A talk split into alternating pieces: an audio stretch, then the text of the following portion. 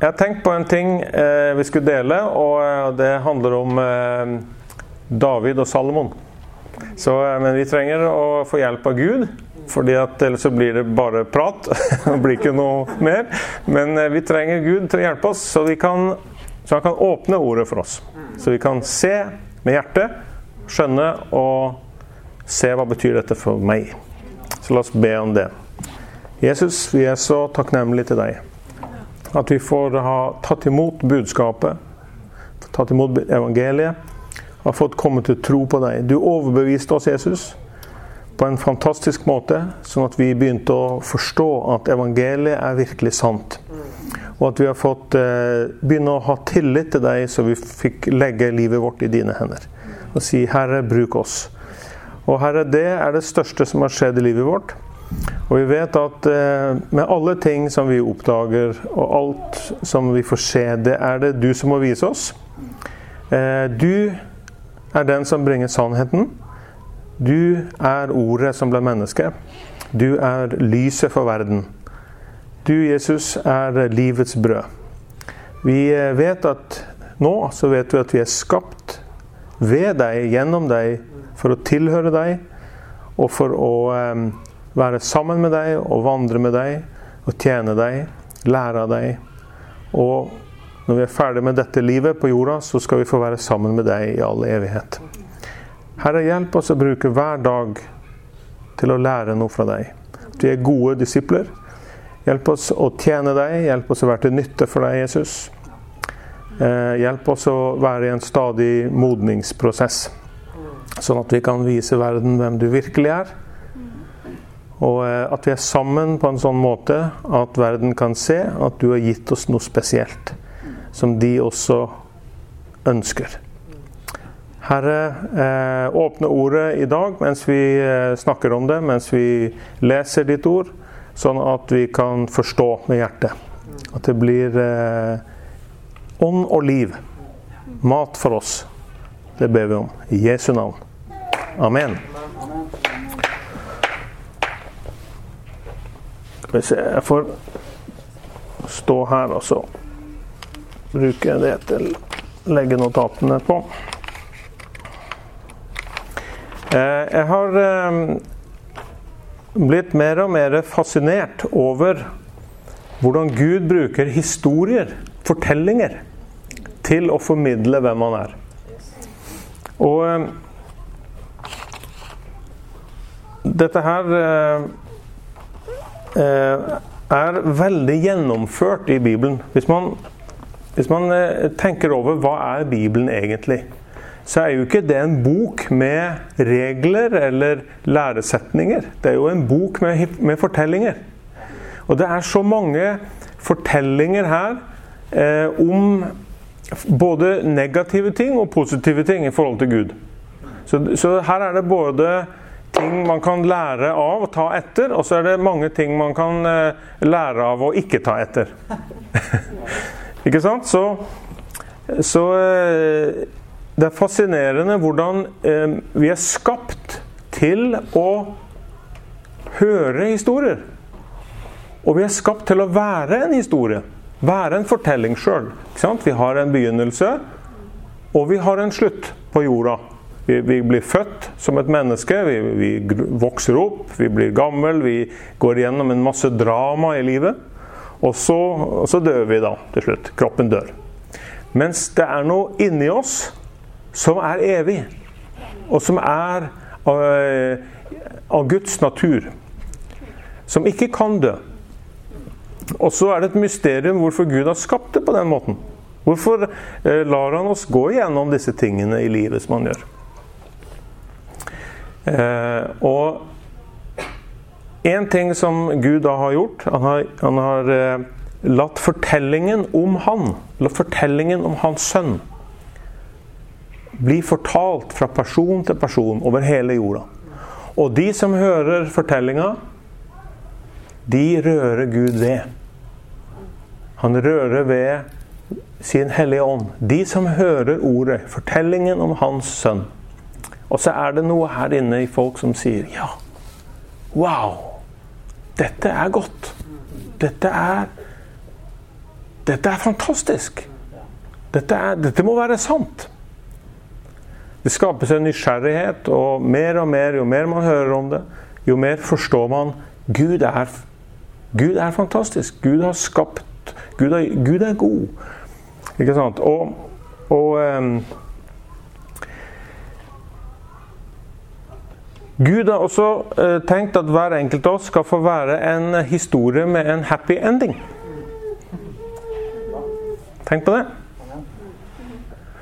Det er en uh, mann som har forska på fortellinger. Alle verdens fortellinger. Uh, han har sikkert ikke hørt alle verdens fortellinger, men han har, han har prøvd å, å undersøke om han kan finne et mønster. Og han mener han har funnet et mønster. Han mener det er syv sånne erkeklassikere blant alle fortellinger i hele verden. Og eh, Nå har jeg bare notert det etter hukommelsen, så, men jeg tror det var sånn at eh, fra, vet, Grekerne hadde komedien og tragedien. Og komedie det var noe som gjerne starta litt vanskelig, og så ble det en happy ending til slutt. F.eks. alle sånne romantiske historier er jo egentlig en komedie. Så det er en happy ending. Det ender med at de får hverandre. Og så har du det motsatte. Det er noe som starter veldig bra, og så ender det veldig dårlig. Det er tragedien. Den rike mannen som ble fattig, ikke sant. Mens at uh, du har en del andre. Det er den uh, den, uh, den fattige mannen som ble rik. Fra from rags to, to royalty. Fra, eh, og, og, tenk på hvor mange historier du har hørt som er sånn. Hvordan eh, fattiggutten eh, ble en, en, av de rikeste, eller eh, den lille jenta som eh, heter Anastasia. Som eh, plutselig oppdaga at hun, var Russlands prinsesse. Og hvordan hun da kommer eh, fram til det at hun er og blir anerkjent som prinsesse. Og, og, fra å være fattig og forlatt og ensom, så blir hun da endelig kommer hun på sin plass som prinsessen av dette store riket. Og får stor ære og rikdom. Altså, Disney har jo bygd opp hele sitt konsept rundt det der. Og når vi ser sånne historier, så tennes det noe inni hjertet. Det er akkurat som, som vår menneskelige, vårt menneskelige håp og vår ånd begynner å gløde når vi får høre det. Vi kommer, det, det tennes et håp. Og sånn er det hos alle mennesker. Og det er noe der. Det er noe der Gud har lagt ned i alle oss, som gjør at når vi forteller evangeliet, så begynner det også å gløde. Og så kan folk lære sannheten å kjenne. Alle disse historiene peker på åndelige sannheter, tror jeg. Det, den andre klassikeren, eh, en, ny, en, annen klassiker, det er 'Kampen mot monsteret'. Overvinne det store monsteret. Eh, eh, Georg, Sankt Georg og dragen, f.eks. Så du, du eh, må uh, få dragen ut av hulen, og så må du se den i øynene uten å springe, snu deg og springe, men du møter den med sverdet og konfrontere dragen, og så skal du beseire den. ikke sant? Og så har du eh, den store prøven. Den store prøven. Mange, mange filmer, mange fortellinger som går på det. Den lange reisen. Det er også en sånn klassisk, klassisk, klassisk fortelling. Den lange reisen. En sånn reisefortelling. Og så har du eh, Og der også hjemkomsten. Den lange veien hjem, ikke sant? der du kommer hjem. Så eh, jeg tror at eh, vi må gripe den, den, det redskapet Gud har gitt oss der. Vi må bruke historiene. Og når vi, når vi snakker med barn spesielt, så er det eh, Vi kommuniserer kjempesterkt med dem. Hvis, hvis, du forteller en fortelling, kan, og den er god, så vil de huske den. Kanskje resten av livet. Og bare tenk på dine egne, dine egne minner når du tenker tilbake. Så er det ikke tørre preikener du hører uh, som, som, du husker best. Det er gjerne en fortelling, en historie, et vitnesbyrd som du har hørt, som gjorde inntrykk på deg. Og Da kan du gjerne huske det resten av livet, og du kan gjenfortelle det. Og du, du gjenforteller det alltid. Hører du en god vits, en god historie, et eller annet rørende, så forteller du det videre. Så eh, jeg tror det her er en hemmelighet. Og jeg har lyst til å ta fram eh, denne fortellinga om eh, David og Salomo, som Gud har gitt oss. Det er jo fantastisk at de to der de levde for 3000 år siden. Tenk på det. Det er ganske lenge siden. Og jeg tror i hele og Det, det kaller vi for oldtida. For eh, det er sånn de sier oldtida, det var fram til ca. 500 år før Kristus. Da begynte antikken. Så dette er fra oldtida. Og i oldtida så tror jeg ikke det er noen andre personer i hele verden som vi vet så mye om. Har du hørt om noen andre som levde for 3000 år siden? som du vet en masse om. Hva som skjedde, hva de opplevde, hva de, hva de, tenkte, hva de sa, hva de spiste, hva slags venner de hadde. Har du hørt om noen andre? Jeg tror ikke det. Og jeg tror ingen andre heller. Så, så det er også sånne eh, det er også sånne fortellinger som i Norge vi begynner å glemme. Fordi at eh, barn lærer jo ikke lenger bibelhistorie.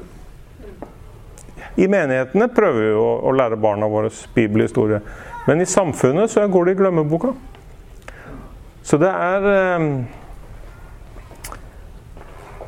Det er utrolig mye å lære av, av å se hva de holdt på med for 3000 år siden. Og det er det en berømt filosof som har sagt Han sa Han heter Goethe. Han sa den som ikke kan føre sitt regnskap tilbake minst 3000 år, lever bare fra hånd til munn. Og Det er en styrke for oss som leser Bibelen. Vi, vi, er vant med å tenke i lange linjer. Vi, ikke bare, vi tenker ikke bare på 60-tallet. Det var gamle dager. Nei, vi vet at uh, Gud opererer i historien. Og han har gjort det i flere tusen år. Så når vi leser om hva som skjedde med David, så kan vi kjenne oss igjen. Og så kan vi tenke hva, hva ville jeg ha gjort i den situasjonen? Og, eh, og vi ser hvordan Gud handler. Og dermed så kan vi se vår egen tid også i lys av historien. Og se litt hvordan dette går. Det er viktig å ikke være historieløs. Eh, vi skal eh, lese noen tekster. Og jeg har lyst til at vi skal spesielt se på hva slags forhold Salomo og David hadde til Gud. Vi kan slå opp i krønikebøkene. Og for, for eh, deg i eh, Samuelsbøkene, kongebøkene og krønikebøkene så står det mye om kong David og kong Salomo. Kong David var jo faren til kong Salomo. De hadde et veldig forskjellig liv. David han eh, starta som en gjetergutt. Han ble historien om gutten, gjetergutten som ble konge. Fantastisk fortelling om hvordan Gud var med han. Og eh, hvis vi ser her Jeg tenkte en sånn, en sånn liten eh, eh, vareprøve her fra hva, slags, hva de tenkte om Gud. Det er også å se på i hva slags bønn de ba når de ba til Gud. For det var en spesiell situasjon i forbindelse med at de skulle bygge tempelet. Så hadde David tenkt å bygge tempelet, men så sa Gud nei, det skal du ikke, for det, skal sønnen din gjøre. Men han, eh, så han bøyde seg for det, og så sa han men jeg kan samle inn materialer til tempelet. Så det gjorde han. Og så var det da den store innvielsesdagen, når de hadde samla inn en, en, enorm mengde med materiale. Og David hadde sjøl brukt av sine egne penger. Og eh, ordna med masse gull og sølv og jern og kopper og sånne ting. Det var jo tonnevis av gull og det var enorme rikdommer som han brakte for å bygge tempelet til Gud. Og så, eh, Så kan vi se i første krønikebok, kapittel 29, når de skulle innvie dette her, da. Hva han sa.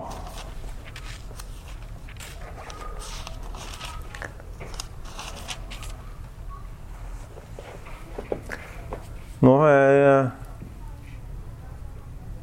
gjort det et Nei, det der, ja. Selvfølgelig.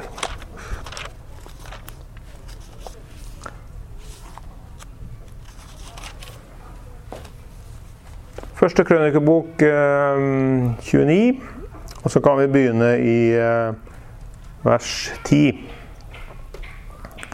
I nærvær av hele forsamlingen velsignet David Herren og sa:" Velsignet er du, Herre, vår Far Israels Gud, fra evighet til evighet.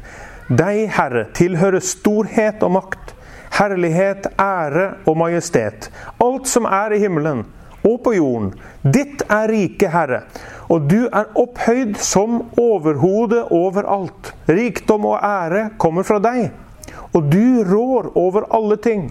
I din hånd er kraft og styrke.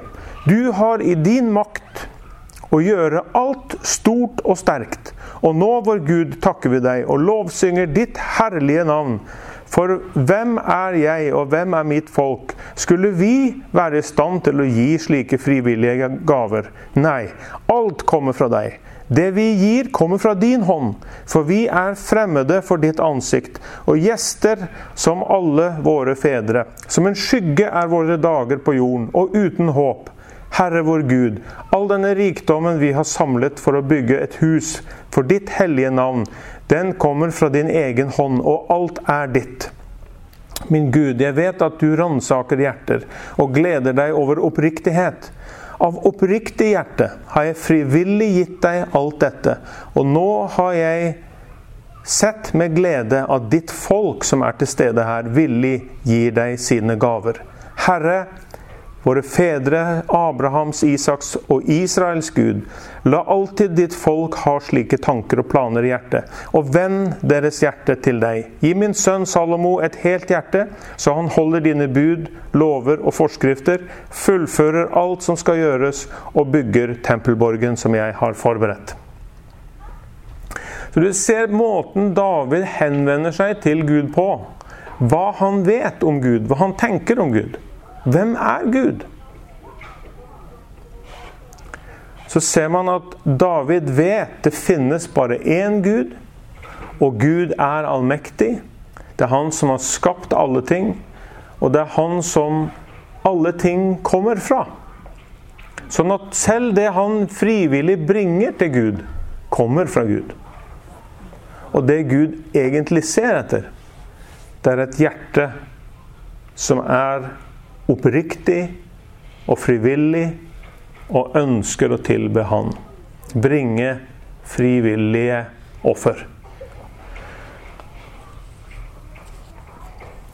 Dette er eh, viktig å, få med seg. Åpenbaringen som David hadde om Gud, var veldig stor. Han skjønte hvem Gud var. Det er noen som sier at monoteismen dette med at det er bare én Gud som har skapt alt, det kom mye senere i historien. Nei, David han var en monoteist. Helt tydelig. Han visste at det er bare én Gud. Og det er den Gud som har skapt alle ting.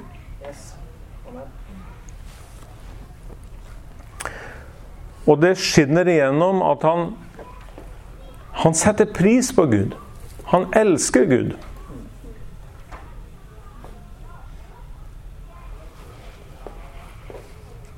La oss gå til Salomo. Salomo, litt senere, kanskje bare noen måneder senere Eller kanskje mange år senere. Jeg vet ikke. I hvert fall, Det er ikke mange arkene videre til andre krønikebok, kapittel 6.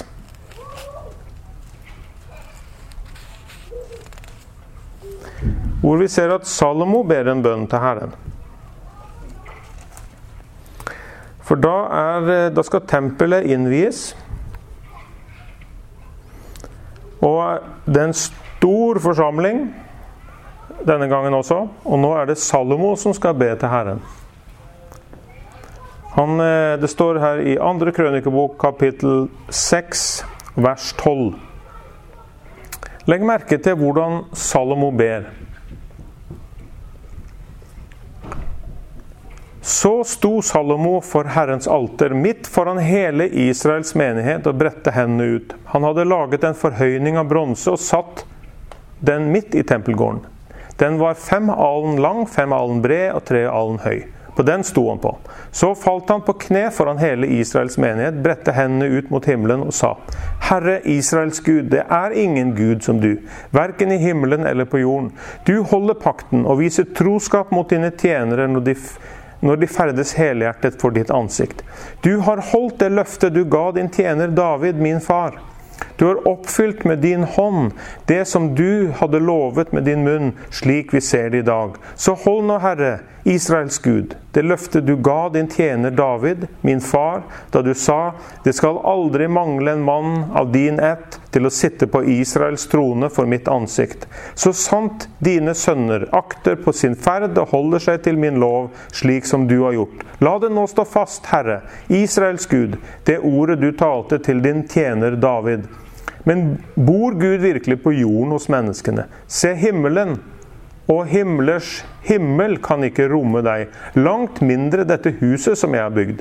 Vend deg mot din tjeners bønn og rop om nåde. Altså, Vend deg mot din tjeners bønn og rop om nåde, Herre min Gud. Hør ropet fra din tjener og den bønnen han ber for ditt ansikt. La dine øyne våke over dette huset dag og natt, over stedet der du har lovet at ditt navn skal bo. Hør de bønnene som din tjener bærer fram. Vent mot dette stedet. Ja, hør bønnen om nåde som din tjener og ditt folk, Israel, ber. Vent mot dette stedet. Hør dem fra himmelen, der du bor. Hør og tilgi. Og så videre. Så Salomo har også en åpenbaring om hvem Gud er. Han vet at Gud er én. Han er den allmektige. Han er den som har kalt David. Han er den som tilgir, som viser nåde.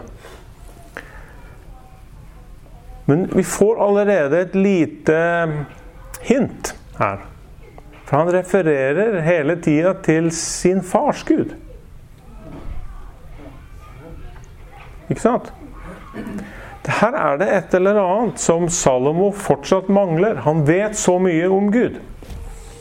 Det som vi videre lærer i forhold til Salomo, er at han eh, Han eh, er en veldig utrusta mann. Han er kalt av Gud til å lede folket etter David, til å lede Israel. Han eh, får en, en, en fantastisk utrustning av Gud. Han har godt, en god innstilling, han har en god holdning. Så når han ber til Gud, så ber han om visdom til å styre. Og fordi han eh, har den holdninga, så eh, eh, velsigner Gud ham. Og gir han mer visdom enn noen andre har hatt. Så han blir jo berømt. Han blir eh, Og så sier Gud, fordi du ba om visdom til å styre, så skal jeg gi deg visdom. Jeg skal gi deg så mye visdom at du kommer til å bli berømt i hele verden. Men jeg skal også gi deg ære og rikdom og de andre tingene som konger vanligvis ønsker. Og så ser man hvordan livet til Salomo, som starter så fantastisk eh, Han blir eh, den kongen i verden som kanskje den, har vært den rikeste, mest berømte og anerkjente kongen som noen gang har levd. De kommer fra fjern og nær bare for å se visdommen hans, rett og slett. For å, for å, oppleve hvordan det er å være på dette fantastiske stedet, som, eh, som er velsigna av Herren. Få veksle noen ord med denne kongen. Og når, når, man ser hva han har skrevet, så er det jo fantastisk. Han har bidratt mye i Bibelen. Med eh, ordspråkene, høysangen, forkynneren. Det er, eh, det er åndelig innsikt. Det er visdom fra Gud. Men det er likevel noe her jeg er ute etter. Og her er vi inne på det som jeg prøver å skal formidle i dag, da. Essensen, kjerna i det å leve. Når man leser i Forkynneren, så, så, så, skriver han jeg, Han skriver jo ikke 'jeg er Salomo', men det, men det skinner jo veldig tydelig gjennom at det er han. Og han, han sier 'jeg jeg ønska å gjøre store prosjekter. Gjennomføre store prosjekter. Bygge prosjekter. Skape nye ting. Og jeg gjorde det. Jeg ønska å oppleve rikdom. Og jeg fikk oppleve det. Jeg ønska å leve og nyte kvinner. Og det gjorde han. Til, de, til gangs. Han hadde 300 koner og 700 medhustruer. Han samla på koner, sånn som andre samler på frimerker. Det måtte jo være, være kjedelig å være kona hans. Hva? Du fikk eh, treffe han sånn én gang i året eller noe sånt, kanskje, hvis du var heldig. Han, han hadde en utrolig frihet til å nyte alt som livet kunne by på. Og han sier det rett ut. Jeg hadde alt. Alt en mann kan begjære. Og så føltes det så tomt. Er det mulig? Ja. Og han sier, hva er vitsen med alt? Alt er jo bare altså Du kan se hvordan han er blitt deprimert her. Han sier alt er bare jag etter vind. Luft i bevegelse. Ingen substans. Ingenting varig. Bare flyktig. Alt er flyktig. Det vakre flyktig. Nytelsen flyktig. Og når du har opplevd det du trodde skulle gi livet en topp, så ble det en topp, og så ble det en nedtur etterpå. Og hva skal du gjøre når du har vært på toppen? Skal du ta en ny topptur? Du vet jo hvordan det er allerede. Det er noe, det er ikke så spennende lenger. Noe mangler. Og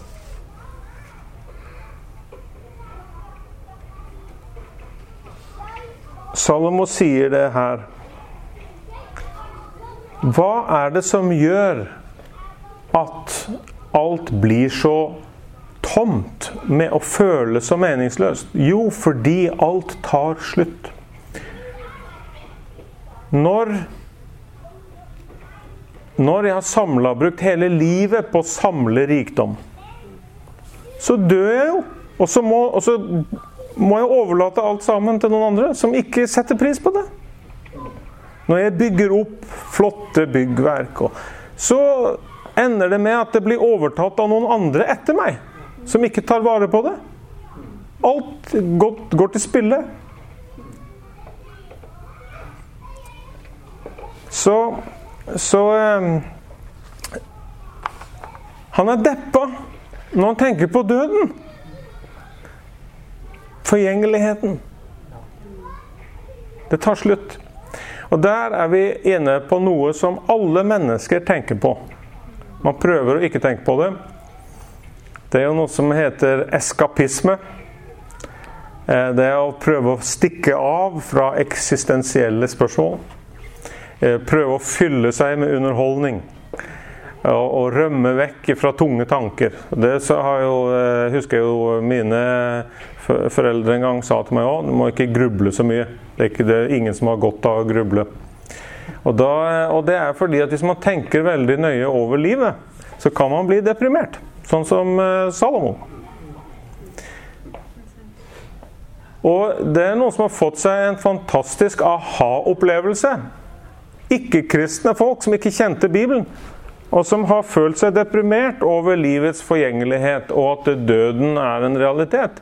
Og så er det noen som har sagt 'les forkynneren i Bibelen'. Kanskje du finner noe der som stemmer med det du føler. Og Så har de lest og så har de tenkt, tenkt Wow! Det er akkurat det jeg har tenkt. Det er akkurat det som jeg skulle ha skrevet det sjøl. Så det kan være en fin innfallsvinkel hvis man kommer i kontakt med folk som tenker på livet uten Gud. Eller som tenker på livet og blir deprimert over forgjengeligheten og døden. Det er eh, eh, tre ting som må være på plass for at livet skal føles meningsfylt. Det første er det må være en Gud. Hvis det ikke er en Gud, hvis det ikke er en skaper, så er det vanskelig å finne mening. Hvis vi er et resultat av en blind utvikling, så betyr det at det er ingen dypere mening. Det er ingen absolutt moral. Det er ingen liv etter døden. Det blir, eh, det blir lett å føle at eh, Oi, dette tenker vi ikke mer på. Det finnes ingen fri vilje lenger. Hvis vi ikke er skapt. Det er mange som er veldig opptatt av å ikke tro på Gud, men de tenker ikke på konsekvensene.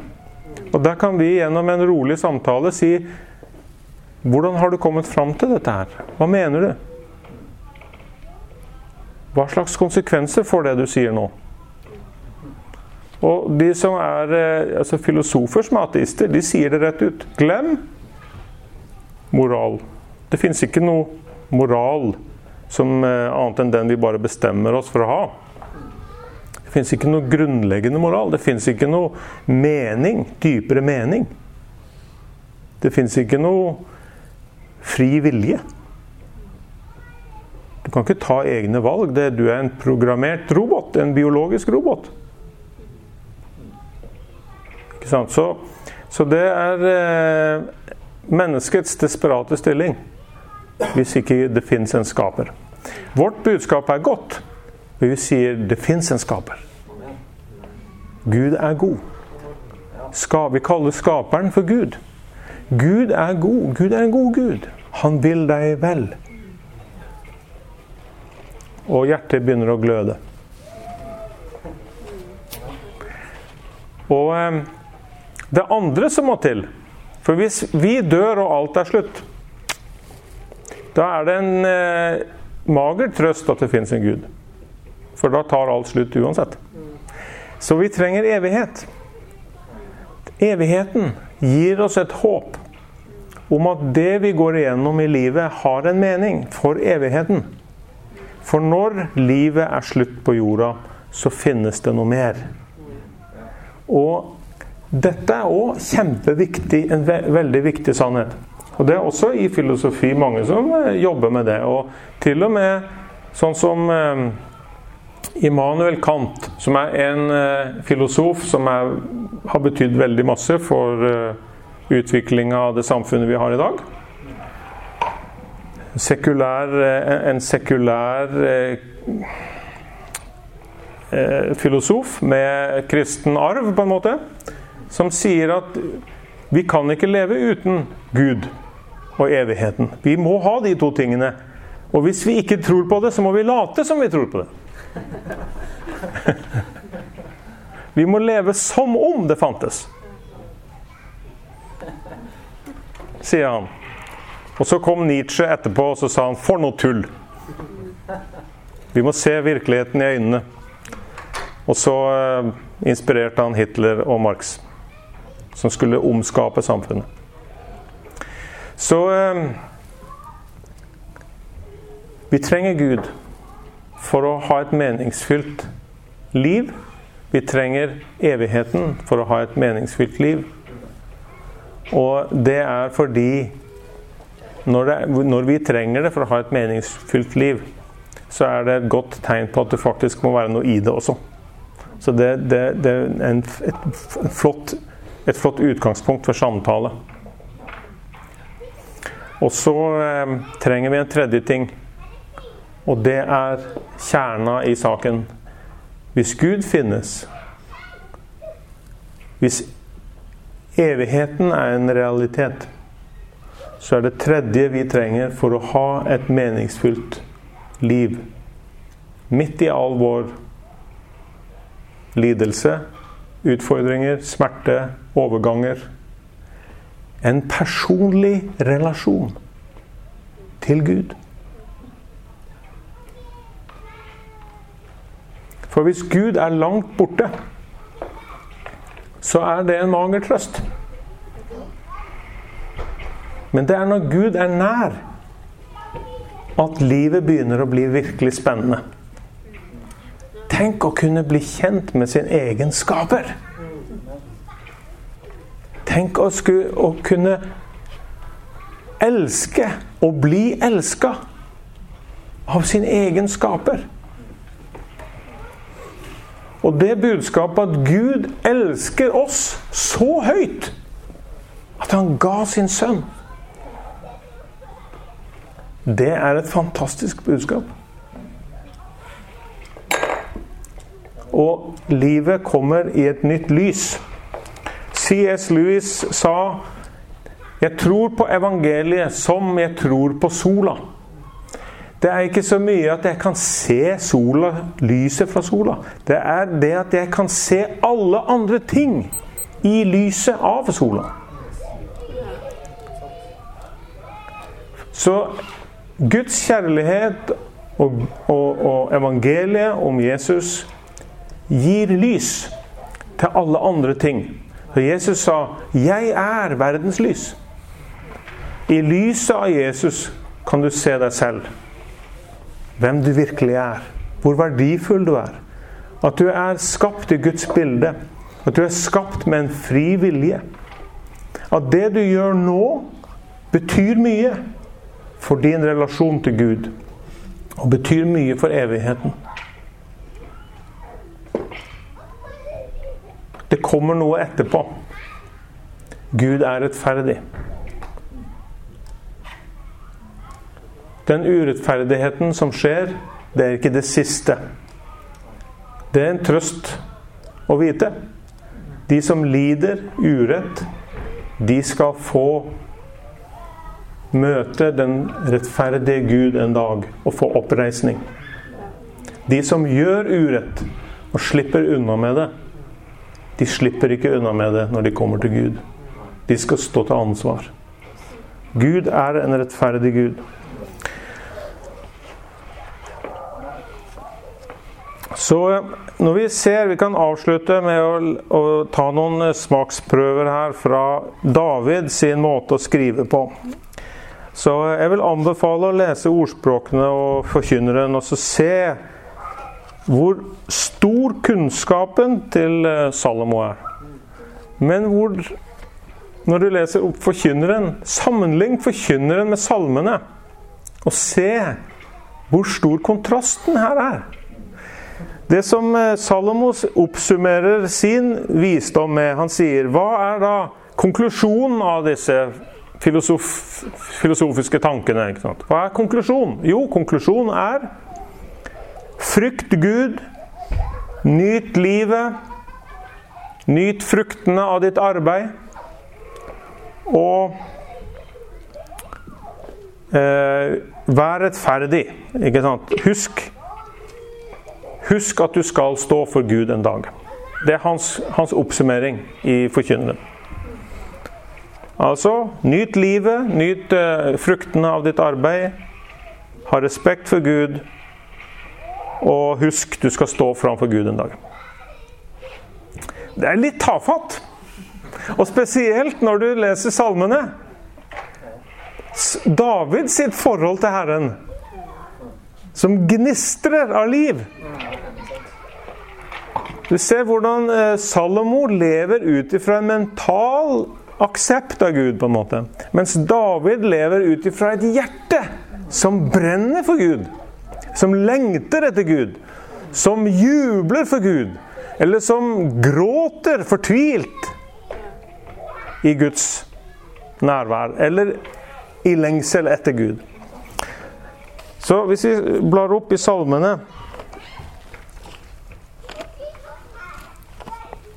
Vi kan se her, Det er jo, det er jo sånn gjennom hele, hele salmeboka. Men, eh, så vi må jo bare ta noen små smaksprøver. Men vi kan jo begynne med begynnelsen. Så vi ser i Salme 3. Dette, David hadde jo ikke et enkelt liv. Han hadde jo eh, et liv med utrolig mye dramatikk, kamp, motstand. Eh, opplevde svik og eh, nederlag, og eh, han gjorde også store feil sjøl. Som han kunne gå rundt og ha skyldfølelse for resten av livet hvis han ønska. Så det som berga han, det var jo hans fantastiske evne til å klore seg fast til Gud. Og ikke slippe taket. Han skriver her i eh, kapittel 3 da han måtte stikke av fra sin sønn Absalom. Så han ble jo sveket av sin egen sønn, som prøvde å drepe han. Og da skrev han denne salmen. Herre, hvor tallrike mine fiender er. Mange reiser seg mot meg. De sier om meg, hos Gud er det ingen frelse for ham.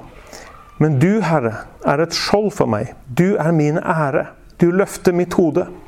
Jeg ropte høyt til Herren, og han svarte meg fra sitt hellige fjell. Jeg la meg ned og sovnet. Jeg våknet, for Herren holder meg oppe. Jeg er ikke redd for titusener som samler seg mot meg på alle kanter.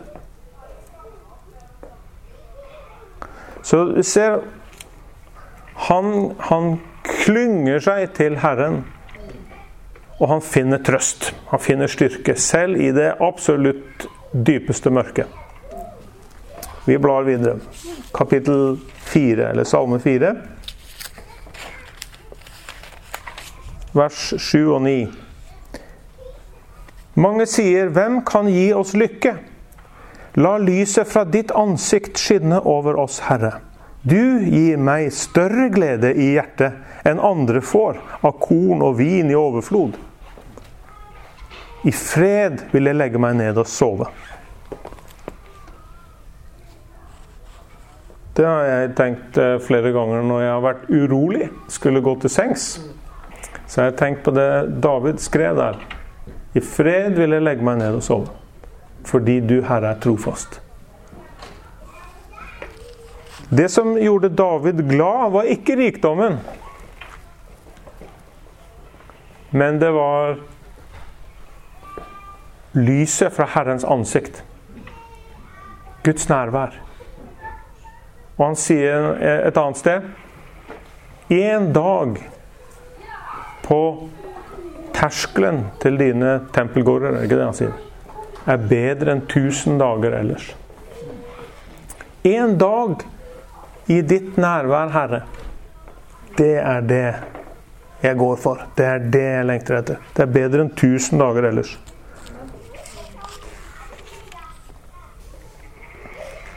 Vi må ta et par eh, Dette er sånn herre eh, Guds ord tapas. Småbiter. Med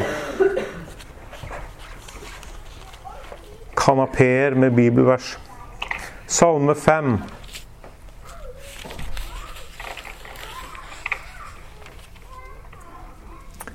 Uh, eh, vers 12 og 13. Men alle som søker tilflukt hos deg, skal glede seg. Alltid skal de juble. Du verner dem. De fryder seg i deg, de som elsker ditt navn. For du, Herre, velsigner den rettferdige. Du dekker ham med nåde som skjold. Når man leser gjennom salmen og ser dette forholdet David hadde til Herren, så skjønner man også hvorfor han aldri sier i noe av det han skriver, som jeg kan huske i hvert fall, at livet er tomt og meningsløst. Ikke sant? Og der tror jeg det er en sånn hemmelighet for oss også. Vi, Jesus har jo ikke lovt oss et enkelt liv. Tvert imot. Han har sagt Johannes kapittel 16, 33. tror jeg det står. Står det I verden har dere mange trengsler. Men fatt mot, for jeg har seira over verden. Sånn at det er nærmest et løfte om at vi skal ha mange trengsler. Altså det å gå gjennom livet, det er ikke for pyser. Det er krevende. Og vi, Gud sparer oss ikke for lidelser, men Gud er med oss. Han har seira over verden.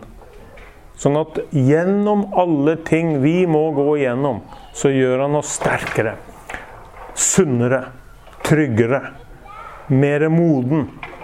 Mer i stand til å stå, mer i stand til å gå, mer i stand til å bære byrder for andre. Forandre situasjoner, forandre omstendigheter. Forandre og hjelpe og avlaste andre. Når vi er sterke sjøl, så kan vi avlaste andre. Det er det som eh, Paulus kaller Kristi lov. Det er bare én lov som eh, kalles for Kristi lov. Husker dere hva det var? Hva er Kristi lov? Hm? Elsk hverandre. Elsk hverandre, men det står spesifisert 'bære hverandres byrder'. Det ligger en fantastisk kraft i det å bære hverandres byrder. Den hellige ånd er der for den som vil bære andres byrder, og så er han der med en gang for å gi styrke. Og jeg tror at mange av de menighetene som er i Norge i dag, hvor at folk er slitne Mange er slitne. Så ligger det en forløsning i den sannheten her. Når du følger Kristi lov, så vil Kristi ånd være med. Det er en forløsning i det å hjelpe hverandre og, bære hverandres byrder, fordi at da får man krefter. Ikke bare til seg sjøl, men til andre. Ikke bare til andre, men også til seg sjøl. Amen. Den som kvikker opp andre, blir oppkvikket selv. Jeg tror det er et profetisk budskap til menighetene i Norge. For det er mange som er slitne. Gode folk som gjør sitt beste, men det er tungt. Men det er en hemmelighet her. Når alle tar tak i det Vi må hjelpe, vi må hjelpe hverandre. Så blir det en, en forløsning av kraft. Eh, la oss avslutte med noe Jesus sier, da og som bekrefter det vi har snakka om nå. Eh, vi kan eh, se i eh, Lukas kapittel 9. Og nå kan jo, kan jeg være med å lese litt der òg. Noen kan lese fra Lukas 9, 25. Noen som har lyst til å lese? Bare det verset. Ja. Hva gagner det et menneske om det vinner hele verden, men mister seg selv og går til grunne? Ja. Det er akkurat som Jesus tenkte på Salomo. Han vant hele verden. Men han mista seg sjøl. Når han ble gammel, så ble han sløv. Og gikk på kompromiss. Og det var en tragedie. Så selv om eh, David, historien om David var gjetergutten som ble konge, så var dessverre historien om Salomo en tragedie. Det var den store kongen som falt fra Gud. Eh, la oss se i Lukas kapittel 12, vers 15. Charlene, vil du lese? 12, Watch out, be on your guard against all kinds of greed. A man's life does not consist in abundance of his possessions. Ja. Raymond, har du det norske? Ja, Kan vi få den på norsk òg? Som jeg sa til deg alle, ta ikke bare for å lyste til alltid å eie mer. For det er ikke det du eier som gir deg liv, om du er aldri så mye. Ja. Det er akkurat som Jesus refererer til Salomo her også. Det er ikke det du eier, som gir liv. Selv om du er, eier aldri så mye. Eh, la oss gå til Lukas 12, 21. Vers 21. Ja, Ragnhild? Slik går det med den som samler skatter til seg selv og ikke er rik i Gud. Ja. Det var, Jesus fortalte en lignelse som gjorde at han snakka om å samle skatter til seg selv. Og så bruker han uttrykket 'å være rik i Gud'. Så Det du eier, gir ikke liv. Eh, Du kan, være, du kan ha masse liv og eie lite. Eh, Det å samle til seg selv, det er ikke å bli rik i Gud. Men å bli rik i Gud, hva er det? Hva er det som gir liv? Hva er det som gjør at vi blir rik i Gud?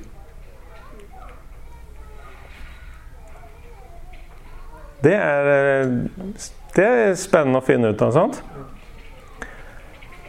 Jeg tror at vi har vært innom det. Det som David oppdaga. Denne personlige relasjonen til Gud. Det er livet. Denne villigheten til å dele og gjøre godt mot andre. Det er å bli rik i Gud. Og så avslutter vi med Johannes kapittel 17. Så kan vi lese der fra Johannes 17 vers 1 til 3. Da Jesus hadde sagt dette, løftet han blikket mot himmelen og sa, Far, timen er kommet, herliggjør din sønn, så sønnen kan herliggjøre deg, for du har gitt ham makt over alle mennesker, for at han skal gi evig liv til alle som du har gitt ham. Og dette er det evige liv, at de kjenner deg, den eneste sanne Gud, og ham du har sendt, Jesus Kristus. Amen. Skal vi be sammen? Jesus, vi er så takknemlige til deg for at du har skapt oss og frelst oss for at vi skal gå sammen med deg og kjenne deg. At eh, vi skal få tilhøre deg fullt og helt. Og at du skal fylle vårt liv i alle krinkelkroker, Herre. At eh, du skal få bruke oss fullt og helt. Og at hver dag skal være en meningsfull dag, fordi vi har vandra den dagen sammen med deg. Og Herre, hjelp oss å eh, bli rik i deg. Rik i vår relasjon til deg, Gud. Rik i vår eh, kjennskap til deg, Jesus. At vi kan leve i dette evige livet. Helt og fullt. Eh, mest mulig mens vi er på jorda, Herre. Og at eh, du får fylle livet vårt. At du får fylle fokuset vårt. Og får fylle prioriteringene våre. Sånn som du ønsker, Herre. Herre, vi, vi er så takknemlige til deg for at du har skapt oss med en fantastisk arv og fantastisk, et fantastisk kall en fantastisk framtid. Så Herre, hjelp oss å se livet på den måten. At vi får se alt i lyset av din kjærlighet, og i lyset av det kallet du har gitt hver enkelt. Og Herre, hjelp oss å være sånne som forteller historien om hva du har gjort, og hva Gud har gjort i deg, Jesus, til andre mennesker, så de kan bli grepet. Vi ber om det, Herre, og vi vet at du ønsker det her. I Jesu navn. Amen.